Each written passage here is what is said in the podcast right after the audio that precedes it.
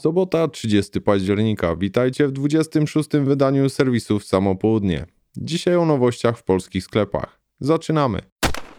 W sklepie spetshop.pl pojawił się w sprzedaży najnowszy pistolet RAM firmy Umarex. Mowa o opisywanym niedawno modelu T4E, czyli licencjonowanej replice pistoletu Glock 17 piątej generacji zasilanej 12-gramowymi kapsułami CO2. Cena to 1599 zł, ale warto dodać, że to limitowana seria First Edition z wymiennymi nakładkami na rękojeść i oryginalną walizką Glock. Szczegóły możecie odsłuchać w dziesiątym odcinku podcastu oraz przeczytać na stronie sklepu. Link w opisie odcinka.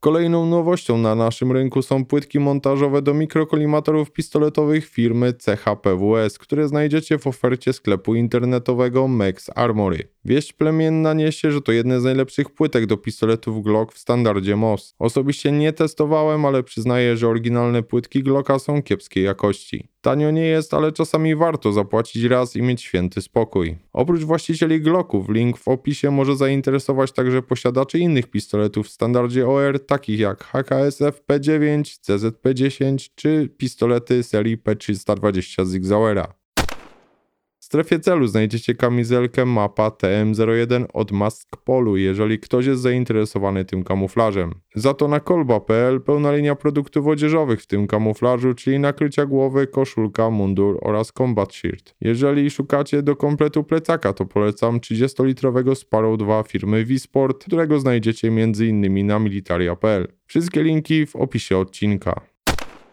Kaliber serwuje moc nowości dla miłośników latarek Nightcore. Jest to m.in. mały potworek, czyli model TM9K tak o mocy bagatela 9800 lumenów. Na koniec nowość ze sklepu gunmanki.pl, czyli klamra i segmenty do złożenia najnowszego pasa do strzelań dynamicznych IPSC modelu Lynx firmy Double Alpha Academy. To tyle w sobotnim krótkim zestawieniu sklepowych nowości, a na kolejne wydanie serwisów Samo Południe zapraszam już jutro.